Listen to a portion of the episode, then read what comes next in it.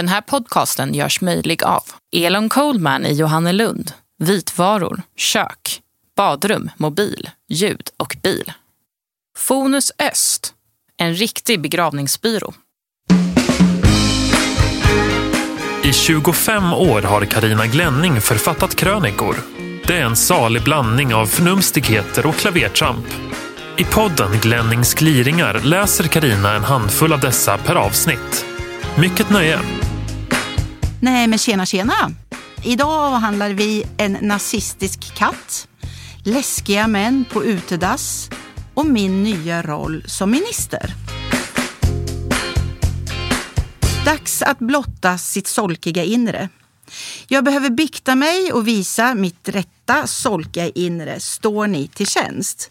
Lögner och halvsanningar har en tendens att komma i fatten med större kraft än om man hade gjort avbön direkt. Och vem är jag att håna min omgivning när jag är så usel själv? Nyligen gjorde jag mig lustig över helggubbens skumögdhet och hur han en morgon innan brillorna åkte på förväxlade en ridstövel på studsmattan med katten Astor. Ha, ha, ha. Kort därpå stod jag i kvällsskymningen och skakade täcke på balkongen. Jag fick syn på grannkatten strax nedanför och fräste det elakaste jag kunde. För han går in genom min kattlucka och äter och muckar med husets katter, nämligen. Inkräktaren visade inga tecken på att ge sig av. Jag hittade en betegel på balkongen som jag med berått mod kastade strax in till katten. Inget hjälpte. Då kastade jag iväg en snus och lyckades faktiskt pricka bakdelen på kattskrället varpå jag avyttrade ett i eget tycke skräckinjagande som svar fick jag ett ynkligt, förvånat och mycket bekant mjauande.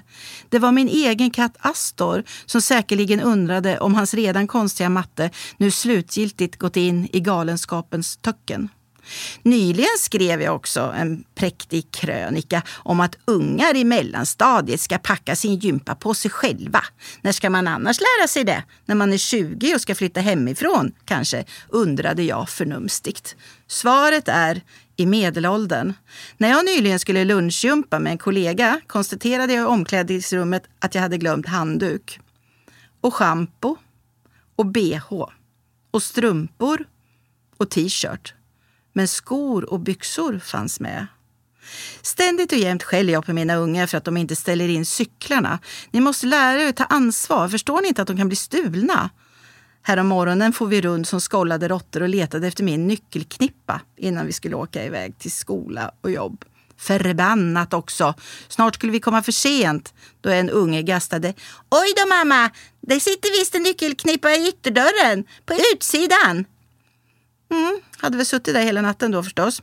Jag brukar ondgöra mig över människor som får horn i pannan när de sitter bakom ratten. Nyligen stannade jag bilen i morgonrusningen för att låta en finnig yngling passera övergångsstället. Precis som lagen föreskriver. Gud! Jag har aldrig sett en Homo sapiens röra sig så sakta. En sengångare hade varit rena sprinten bredvid denna sävliga unge man. Utstuderat sakta flyttade han benen i ultrarapid samtidigt som han avmätt och hånfullt, tyckte jag, konstant blängde på mig. Och vad gjorde den 44-åriga tvåbarnsmamman då, tror ni? Jo, hon rusade motorn, lutade sig fram mot vindrutan och lipade. Moget, eller hur? När Sören blev nazist jag har haft katt i hela mitt liv. Den första hette Alexander och kom i en pytteliten korg som jag numera har som min trädgårdshandväska. Jag lägger ner en bok, telefon och lite annat när jag ska sitta någonstans i trädgården och läsa.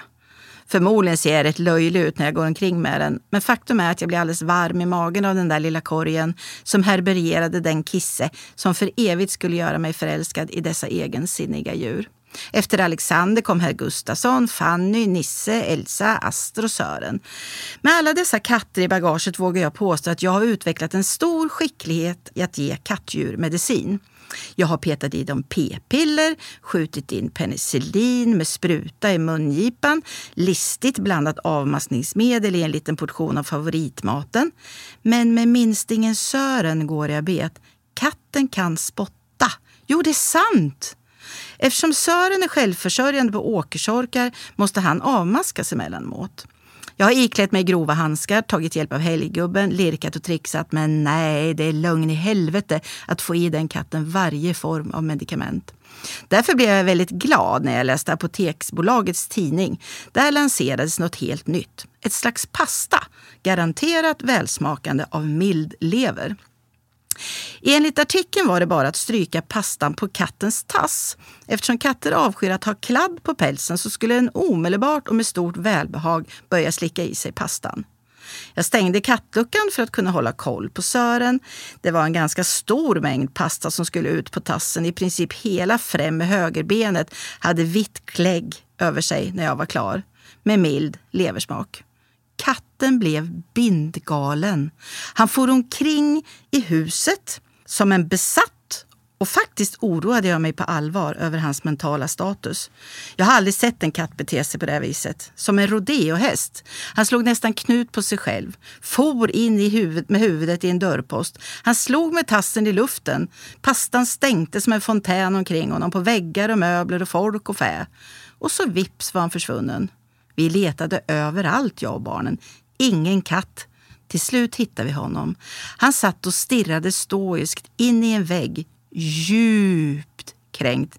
Men titta mamma, han gör Hitlerhälsning! Vad hemskt!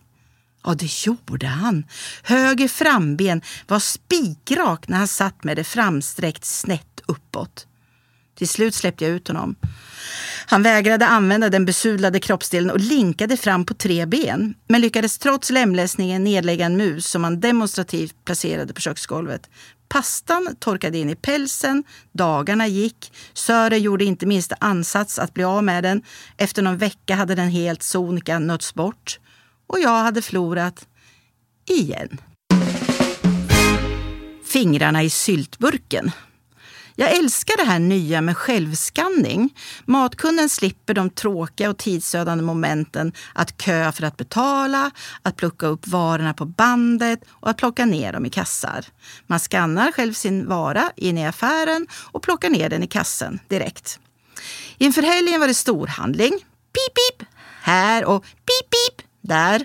Jag var ganska vimsig och hade ingen inköpslapp. Snart var vagnens kassa fulla och jag gick glad i hågen mot skanningskassan sjungandes en lovsång till den som uppfunnit denna revolution. Oj då, nu hamnar du på avstämning, sa kassörskan när jag skulle betala och dra mitt medlemskort. Eftersom du har så många varor ska jag se om någon kan komma och hjälpa dig att packa upp dem, sa kassörskan ursäktande. Och jag pladdrade förstås på. Ingen fara, jag har ingen brådska. Jag älskar faktiskt självskanning och det begriper ju alla att man måste kolla sig emellanåt. Annars kunde ju folk börja smyga med både det ena och det andra i kassarna. ja, jag kan packa upp själv, kvittrade jag.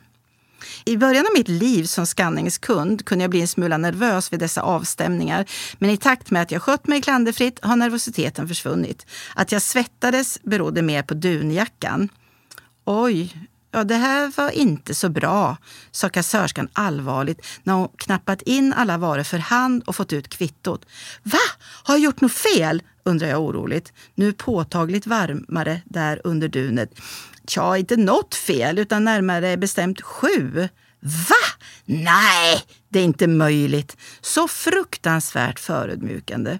Nu sprutade svetten under jackan och med skammens rodnad på kinderna gick jag igenom kvittot med kassörskan. Det stämde. Jag hade missat att skanna in sju saker, samtliga från grönsaksavdelningen, där man väger varorna själv och får ut en streckkod som ska skannas. Det handlade sammantaget bara om några tior ingefära för 2,48, en bit rödkål för 2,70, 10 limefrukter för en tia och så vidare. Hade jag velat försöka mygla hade det ju varit mer relevant att hoppa över att skanna in 1,6 kilo nötfärs. Men ändå. Som en rättskaffens samhällsmedborgare ska jag nu rakryggat ta mitt straff. Med så många misstag vid ett och samma tillfälle lär det bli täta avstämningar framöver. Så fungerar datasystemet. Bara så ni vet vem det är som blockerar snabbkassan framöver.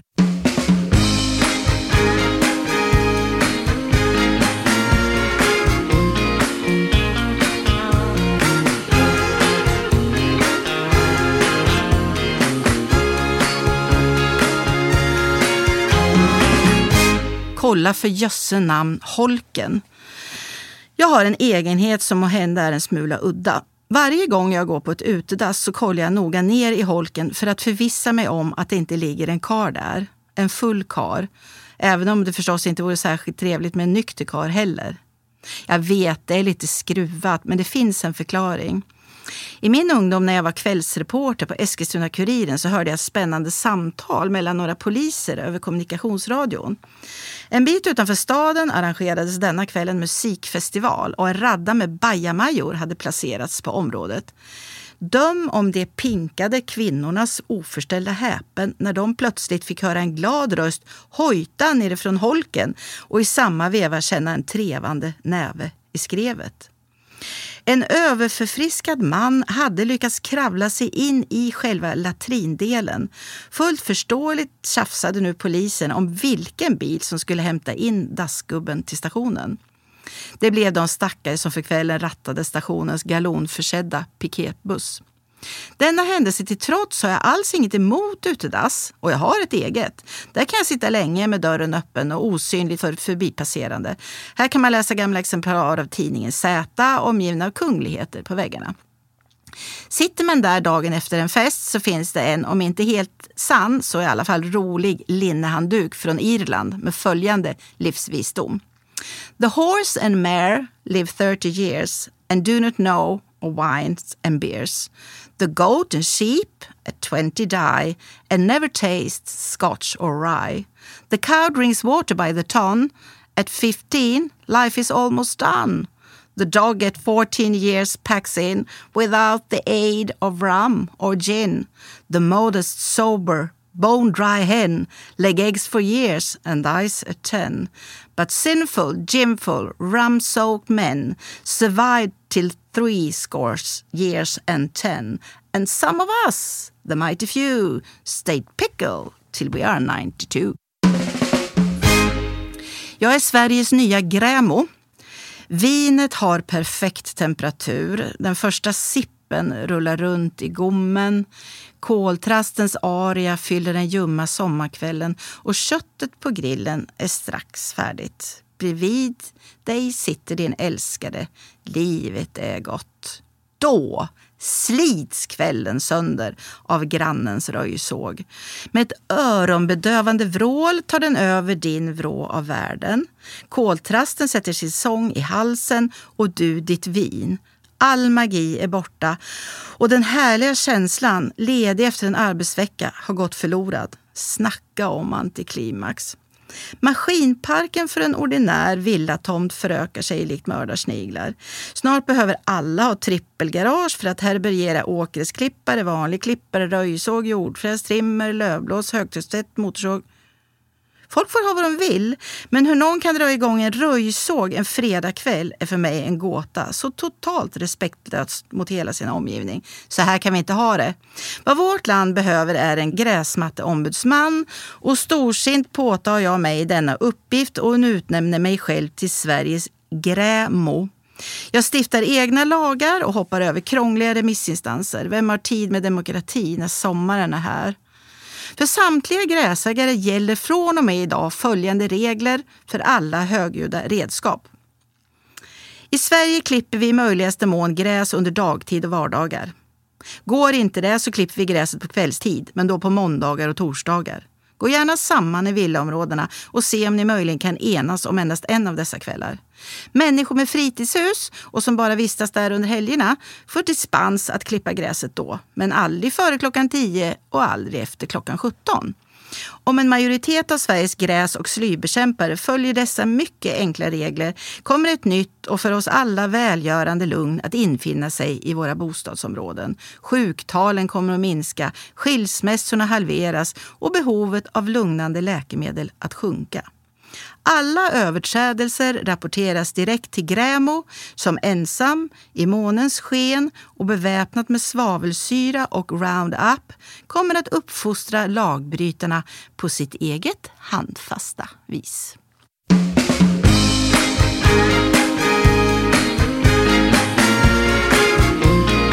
Du har lyssnat på Glennings gliringar. Ansvarig utgivare Maria Kustvik.